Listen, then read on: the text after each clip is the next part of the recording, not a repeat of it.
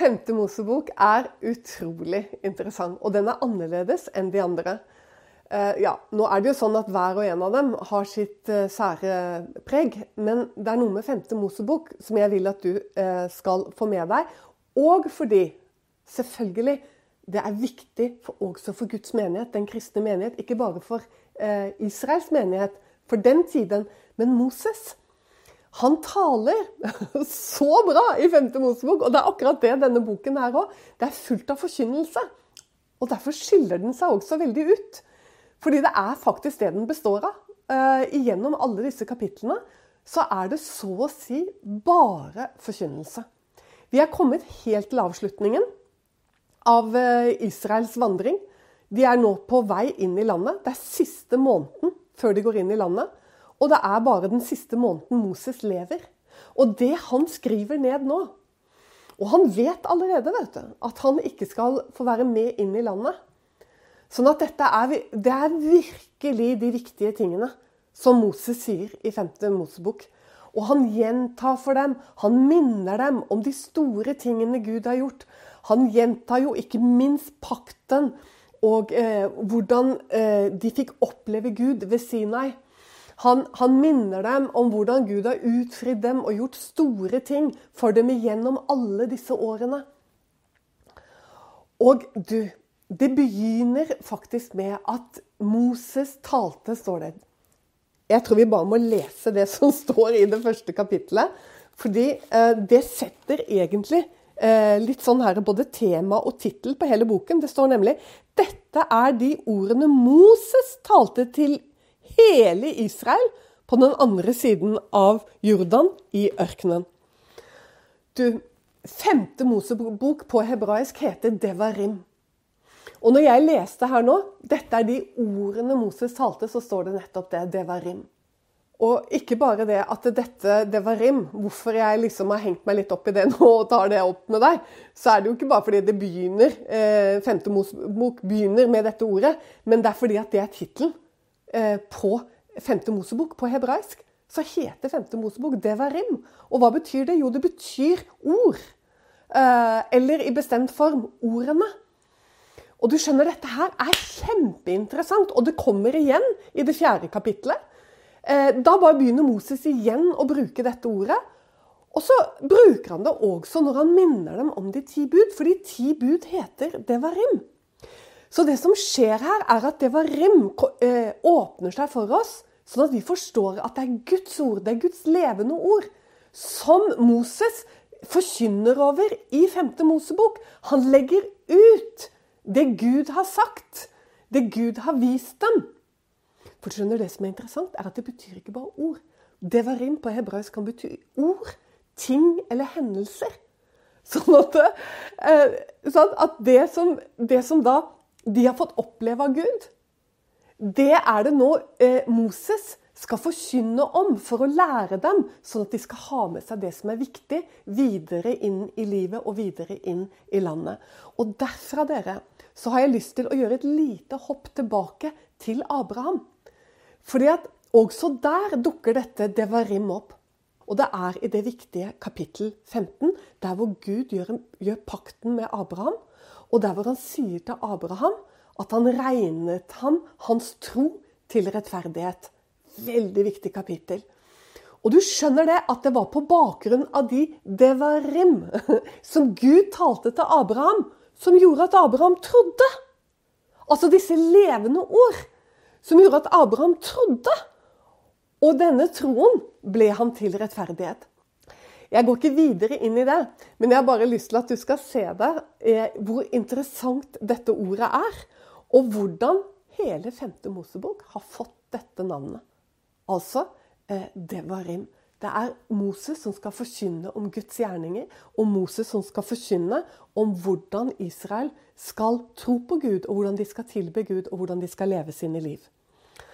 Og derfra dere skal vi gå til det ellevte kapittelet, for det er et kjempespennende kapittel. Og eh, det begynner nemlig eh, Det begynner eh, Det inneholder egentlig flere sånn viktige faser. Fordi det begynner med at Moses minner Dette er egentlig midt inne i forkynnelsen. ellevte kapittel. Ifølge jødedommen så handler 5. Mosebok om tre store taler Moses holdt. Og her i ellevte kapittel er vi midt inne i en av dem.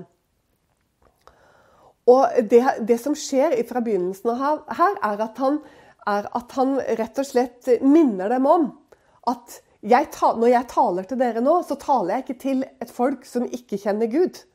For dere har opplevd Gud, dere har sett hva han har gjort. Dere har sett hans mektige gjerninger. Og nå må dere legge dere på hjertet. og nå er det Moses skal forkynne lydighet til hans ord. At viktigheten av å være lydig mot ordet.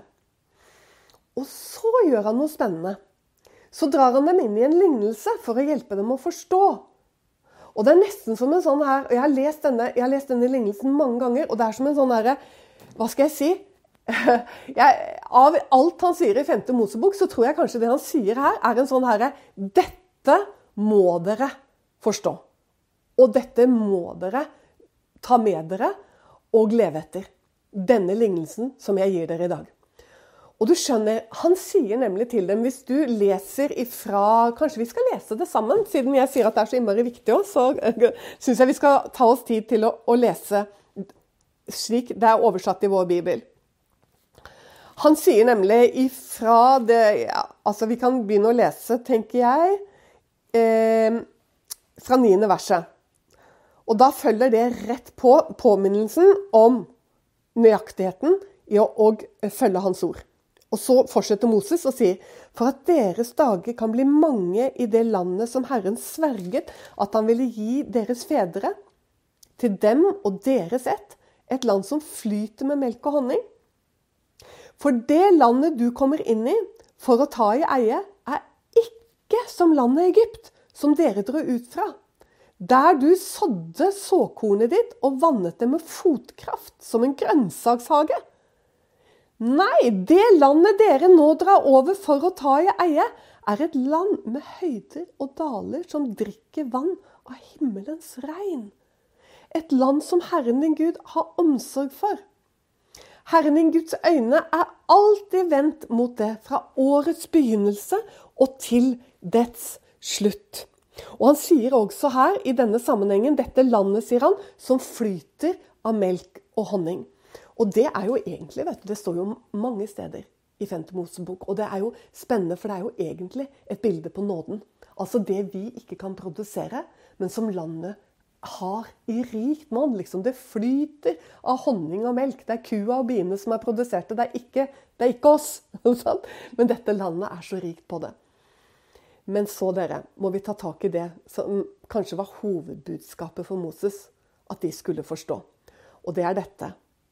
At det landet dere skal inn i, det fungerer ikke som Egypt. Det fungerer på en annen måte. Slik at det du var vant til i Egypt, at sånn fungerer det hvis jeg gjør sånn og sånn, så blir resultatet sånn og sånn. Det, det, det holder ikke. Altså, det, det fungerer rett og slett ikke. Fordi det landet du kommer inn i, fungerer på en helt annen måte. Og så forteller han dette underlige, hvor han sier det at i Egypt så var det jo sånn at du sådde ditt såkorn. Og så brukte du fotpumpen, og så vannet du med den. Som i en grønnsakshage. I alle dager, hvor vil han hen, tenker du kanskje nå. Så sier han sånn er det ikke i det landet du kommer inn i. Altså Han sier at Glem fotpumpen. Jeg skal forklare det om et, om et veldig lite øyeblikk. Altså Han sier glem det. For det landet du kommer inn i, det drikker. Det drikker av himmelens regn. For alltid vil Guds omsorg hvile over det. Og det står litt lenger ned også at han vil gi det tidligregn og senregn og alt i rette tid. Fordi hans omsorg er over dette landet. Det som er så innmari interessant med denne fotpumpen, eller fotkraft, som det står i noen eh, oversettelser, det er fordi det er bildet på eh, vår egen prestasjon. Altså, Egypt var jo sånn. Og jeg tipper at slavefolket, hebreerne eller israelfolket på denne tid, var det noe de kjente til, så var det akkurat denne mekanismen her. Fordi Egypt fungerte ikke ved regn. Det regnet omtrent aldri i Egypt, og det regner jeg med at sånn er det den dag i dag. Men alt som er av vanning på den tida, var helt avhengig av Nilen. Det var Nilen som gjorde at det var mulig å leve i Egypt. Det var Nilen som gjorde at det du sådde, fikk vann og kunne få liv og vekst. Sånn at eh, det israelfolket virkelig kjente til, det var dette strevet med å holde pumpen i gang. Altså Det var avhengig av deg og din kraft og din prestasjon at det i det hele tatt ble noe vekst. Du måtte vanne. Du måtte sørge for det. Så sier altså Gud, og dette er det viktige han formidler til folket igjennom Moses, at sånn fungerer ikke det landet. Du kan bare legge bort egen prestasjon. Det kommer aldri til å fungere med egen prestasjon. For det som gjør at dette landet fungerer, det er deres lydighet. Deres lydighet til mitt ord kommer nemlig til å forsørge dere ved at jeg og min omsorg er med dere alltid. Landet vil flyte av melk og honning. Og regnet vil komme i rette tid, både tidlig regn og senregn. Dere behøver overhodet ikke å tenke på liv og vekst. Det er det jeg som sørger for. Og du, denne lignelsen den er bare så utrolig viktig. Ikke bare for israelfolket denne gangen, men for Guds menighet, den kristne menighet i dag. Fordi at min påstand er at egentlig er det akkurat det samme. Eh, jeg skal forklare litt nærmere i forhold til gammel og ny pakt og lov og nåde. Men prinsippet er det samme.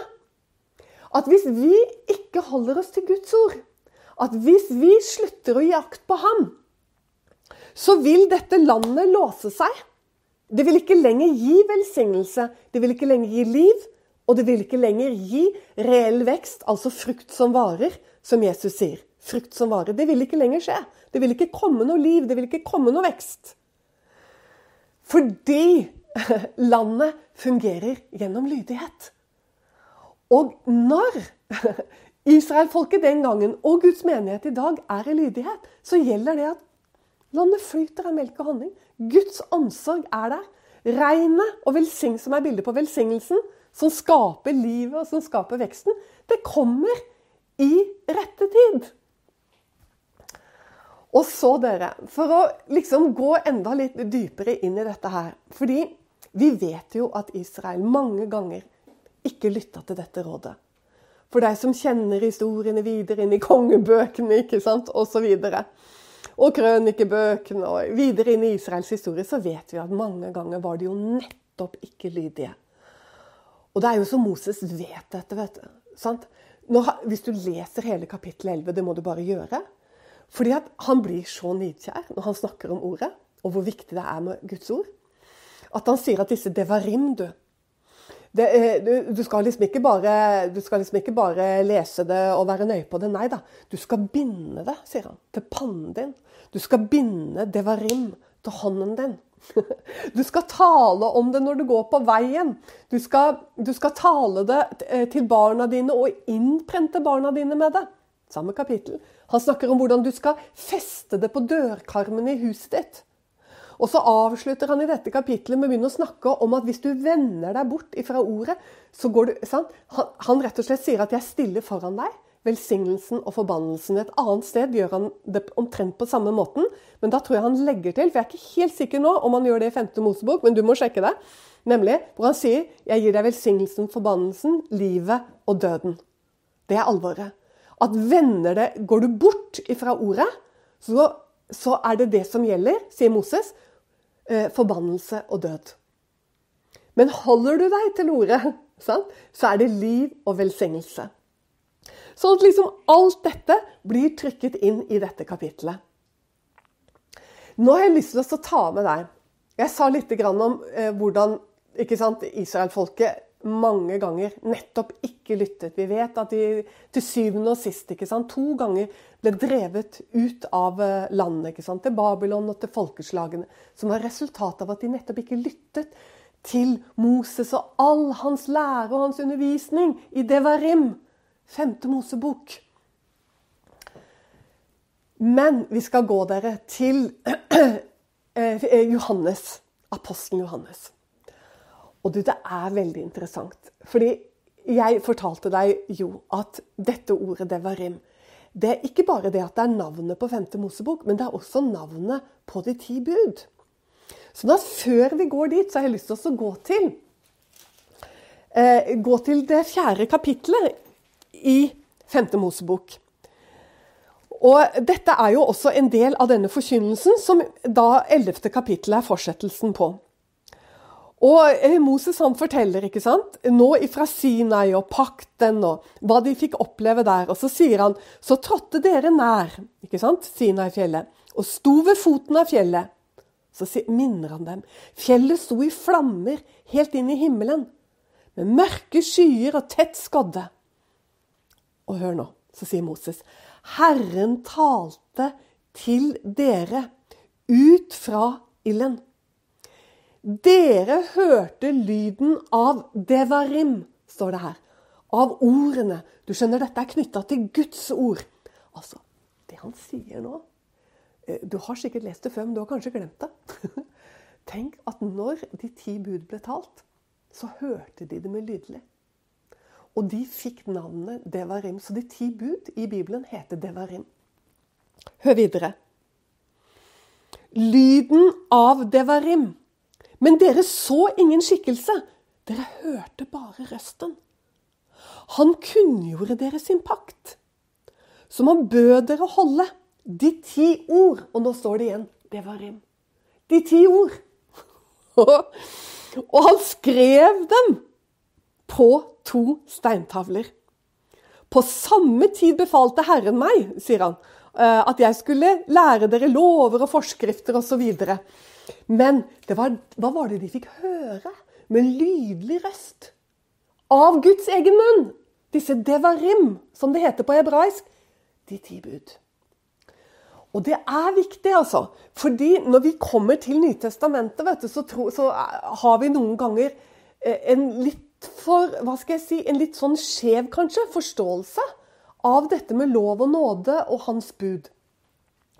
Fordi når, Hvis vi tar apostelen Johannes og hvis vi ser på bud og det, hvor mange ganger det kommer i Det nye testamentet, så mener jeg det er noe 18 ganger eller noe sånt, nå at det undervises over det i Det nye testamentet. Og jeg mener at 14 av disse gangene er apostelen Johannes, enten i evangeliet eller i brevene eller i åpenbaringen. Og spesielt 14. og 15. kapittel, der er han nidkjær. Og der er det sånn at eh, apostelen Johannes siterer jo Jesus. Og han siterer Jesus flere ganger, hvor Jesus sier eh, på ulike måter dette at hvis dere elsker meg, så holder dere mine bud.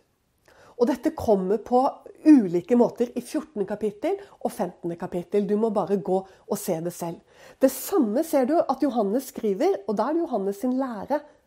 I evangeliet siterer han Jesus. Nå utdyper han det i brevene.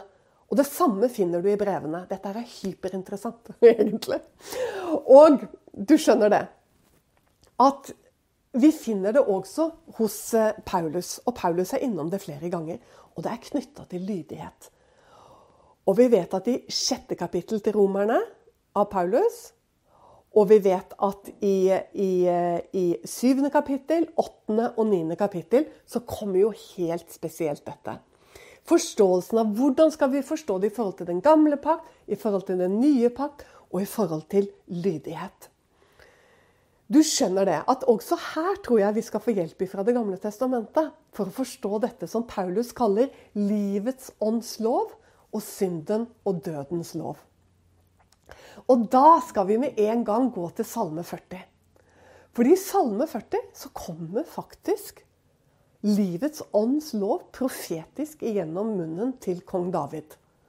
Og den kommer i forbindelse med eh, et par vers bare, hvor det er plutselig en jeg som dukker opp igjennom munnen til David. Og denne jeg, det er jo ingen andre enn Jesus, enn Messias. Og det står på denne måten fra syvende verset.: Offer og gave hadde du ikke velbehag i men mine ører har du åpnet. Brennoffer og syndoffer har du ikke bedt om. Interessant at det står det. Han lærte dem jo om brennoffer og syndoffer. Men her, kommer David og sier at Gud hadde ikke behag i det, liksom. Du finner det også andre steder i Skriften. For det er noe han er mer behag i enn offer og gaver. Og det er akkurat det, og nå kommer jeg på det, som Samuel sa til, eh, til Saul. Har ikke Gud mer behag i lydighet enn i offer og gaver? Og det er akkurat dette skjønner du, som kommer her nå. Som er, heter livets ånds lov, som handler om en lydighet som vi umulig kunne holde under den gamle pakt. Fordi eh, rett og slett eh, budet, kjødet, kunne ikke oppfylle loven. Sånn at livets ånds lov, den handler om lydighet. Det er veldig spennende. Fordi Følg med nå. Da sa jeg, nemlig, står det her. Ikke jeg, men en helt annen jeg. Nemlig Messias. Da sa jeg. Hør hvordan David taler profetisk. Se, jeg kommer! I bokrullen er det skrevet om meg. Og hva er det han kommer for? Og hva er liksom oppdraget? Det kommer i to linjer. To linjer kommer hele oppdraget. Å gjøre din vilje, min Gud, er min lyst, og din lov er i mitt hjerte. Her varsles han som kan oppfylle loven. Han som er den fullkommen lydige. Han som skal komme og ta en tjenerskikkelse på seg og gå lydighetens vei for oss alle sammen. Han som skal fullende lydigheten like inn til døden. Men ikke nok med det. Men i den lydigheten så hadde ikke døden makten over han, lærer evangeliet, og han sto opp fra de døde. Og gjennom dette evangeliet så blir vi alle sammen, lærer Nytestamentet, eh, eh, ført inn i lydighet ved denne ånden. Som enhver får som blir født på ny. Hvordan blir man født på ny? Jo, det gjør man ved at man tror i sitt hjerte og bekjenner med sin munn. Så vil Den hellige ånd flytte inn i ditt hjerte. Og du skjønner, Når Den hellige ånd har flyttet inn i hjertet, så har du fått livets ånds lov. Og hva er det som kjennetegner denne livets åndslov? Jo, det er det jeg leste her. Å gjøre din vilje er min lyst. Og din lov bor i mitt indre. Så når du har blitt en kristen, så har du kommet inn i det som Paulus åpner romerbrevet i første kapittel med, når han oppsummerer hva som er hans tjeneste. Å være Jesu Kristi, Kristi apostel, sier han. Hvorfor det? Og, og til å gjøre hva? Å føre alle folk til lydighet i Kristus. Og, eh, og ikke, bare, ikke, bare, begynner eh, Paulus eh, brevet med å introdusere lydighet, men det er jo så spennende å se hva han faktisk sier i det sjette kapittelet. Og da, jeg, da, tror jeg bare rett og slett jeg må lese altså, fra 15. verset. Så sier han nemlig dette. Hva da? Skal vi synde siden vi ikke er under lov, men under nåde? På ingen måte. Vet dere ikke at når dere stiller dere fram som tjenere til lydig, hør du, til lydighet mot noen, er dere tjenere under den dere lyder? Enten det er under synden som fører til døden, eller det er under lydigheten som fører til rettferdighet. Er det interessant? Hvis du tenker på dette nå i forhold til Salme 40 og i forhold til livets ånds lov, som er selve lydigheten, og har denne oppgaven. Altså, det å bli en kristen, å bli en salvet, som kristen egentlig betyr, av ordet eh, Kristos, ikke sant? Salvet, det er lydighet. Det er derfor Peter også, altså Paulus åpner sitt romerbrev. Det første vi har av han, handler om lydighet. Å føre alle folk til lydighet. Samme gjør Peter. Når han åpner sitt eh, brev, så han, presenterer han seg. Og så sier han igjen, understreker han oppdraget, og så taler han til det man kaller for utlendinger, som er de kristne. Hvorfor er de utlendinger? Jo, fordi de er utvalgt. De er tatt ut av verden. Hvorfor det? Jo, til lydighet. Altså, de er et folk til lydighet. Og det er det han sier. At vi er utvalgt, sier han. Han taler jo til oss. Vi er utvalgt til hva da? Jo, til lydighet, sier han. Ved åndens. Det er dette som er livets ånds lov. Oppgave i oss er å føre oss inn i lydighet. Og da stemmer jo det Jesus sa, ikke sant? at uh, den som holder mine ord, det er den som elsker meg. ikke sant? Og så sier han til og med i 14. kapittel den som ikke holder mine ord, han, den elsker meg ikke, sier han. Og han snakker også om budene og alt. Og så sier han, men du skjønner det, det vi trenger å forstå, er at når vi kommer inn i livets åndslov, så kommer vi inn gjennom grunnmuren i budene. For hva var det Jesus sa at alle budene hviler på? Jo, du skal elske Herren din Gud av hele ditt hjerte og hele din sjel og all din makt. Og din neste som deg selv. Og det er egentlig hele grunnlaget for de ti bud. Sånn at de ti bud er liksom bare på en måte løftet ut, et, liksom reist opp av denne grunnmuren. Sånn at hvis vi står utenfor og prøver å komme inn den veien, gjennom budene og skal liksom komme inn gjennom å rettferdiggjøre oss selv ved at vi liksom, vi holder budene, da har vi virkelig misforstått. Og det er jo akkurat som Jesus sier i bergprekenen nå, liksom. Hvis ikke deres rettferdighet overgår fariseerne, så kommer dere ingenlunde inn i himmelens rike. Men du skjønner, når du blir født på ny, så kommer du inn en helt annen vei. Du kommer inn gjennom grunnmuren. Sant? For du får livets ånds lov, som, som bare vil være Gud lydig. Altså, Den sier bare det, den. Den har bare den viljen, den. Å gjøre din vilje er min lyst. Og, og, og, og dine, din lov, den bor i, i, i, hjertet mitt. Ja, men Eva, hva er det du sier nå? liksom? At vi bare blir fullkomment lydige når vi blir født på ny? Nei, det er absolutt ikke det jeg sier. Jeg sier egentlig at du har kommet inn i en kamp. At du har kommet inn i en krig.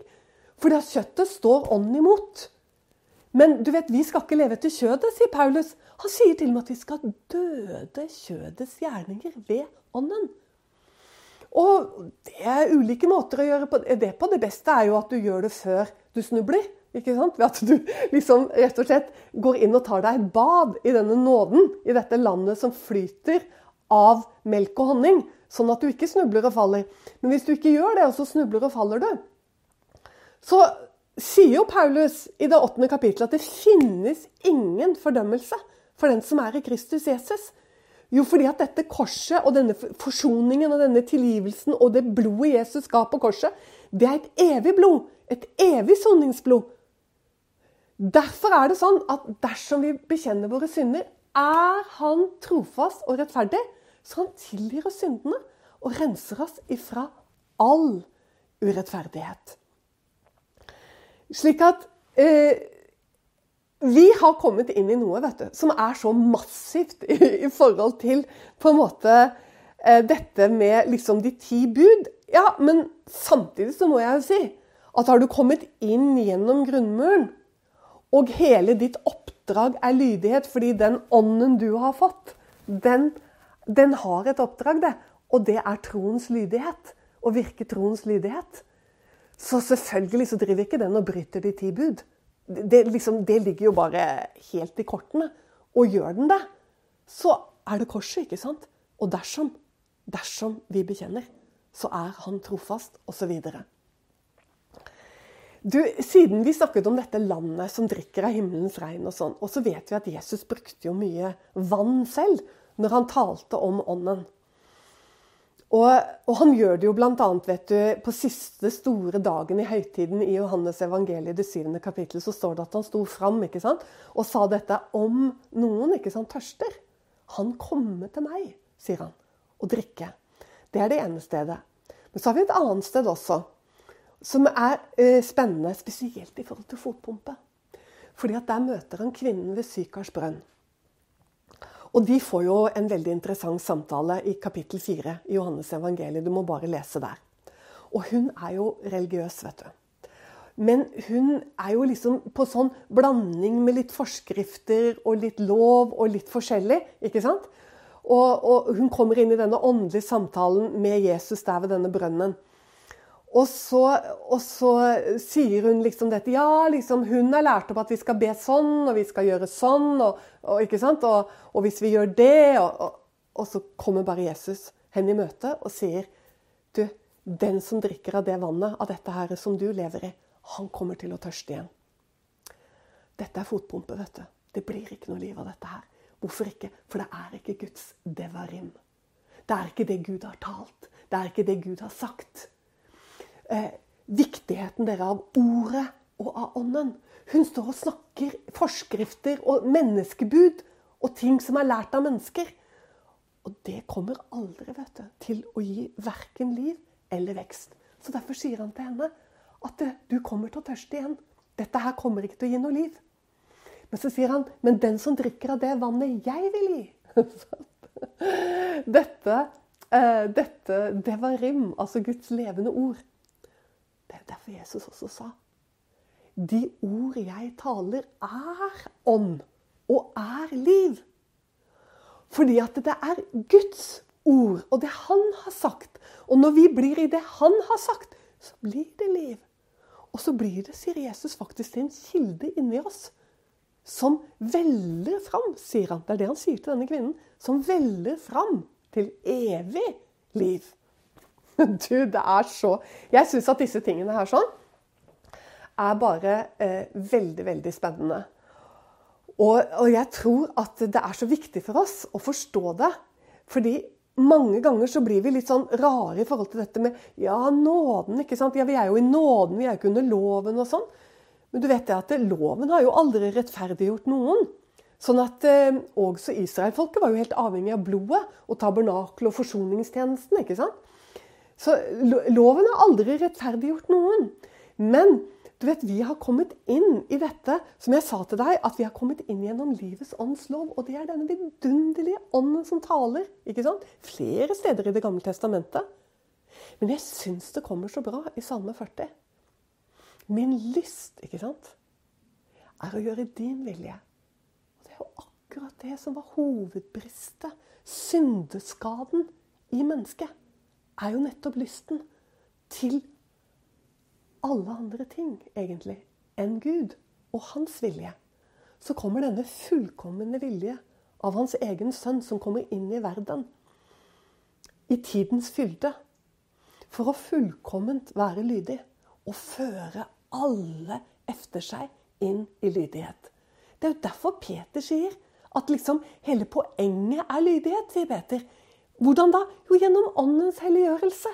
Så, det, så det, hele vår vandring her handler om lydighet. Å ja, men det ordet lydighet er så, jeg synes det er så vanskelig, det høres så stramt ut. Ja, men det må du bare komme ut av.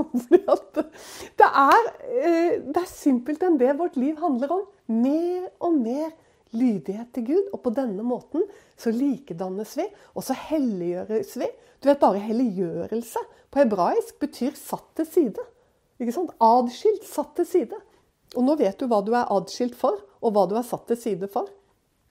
Nemlig dette ordet som eh, vi ikke alltid har så godt forhold til, men som er et nydelig ord for den som er i livets ånds lov. For du skjønner, det er ikke ditt strev, det er ikke fotpumpen som skal få til dette her. Det kan du bare glemme. Nei, det er ånden som skal få til dette i deg.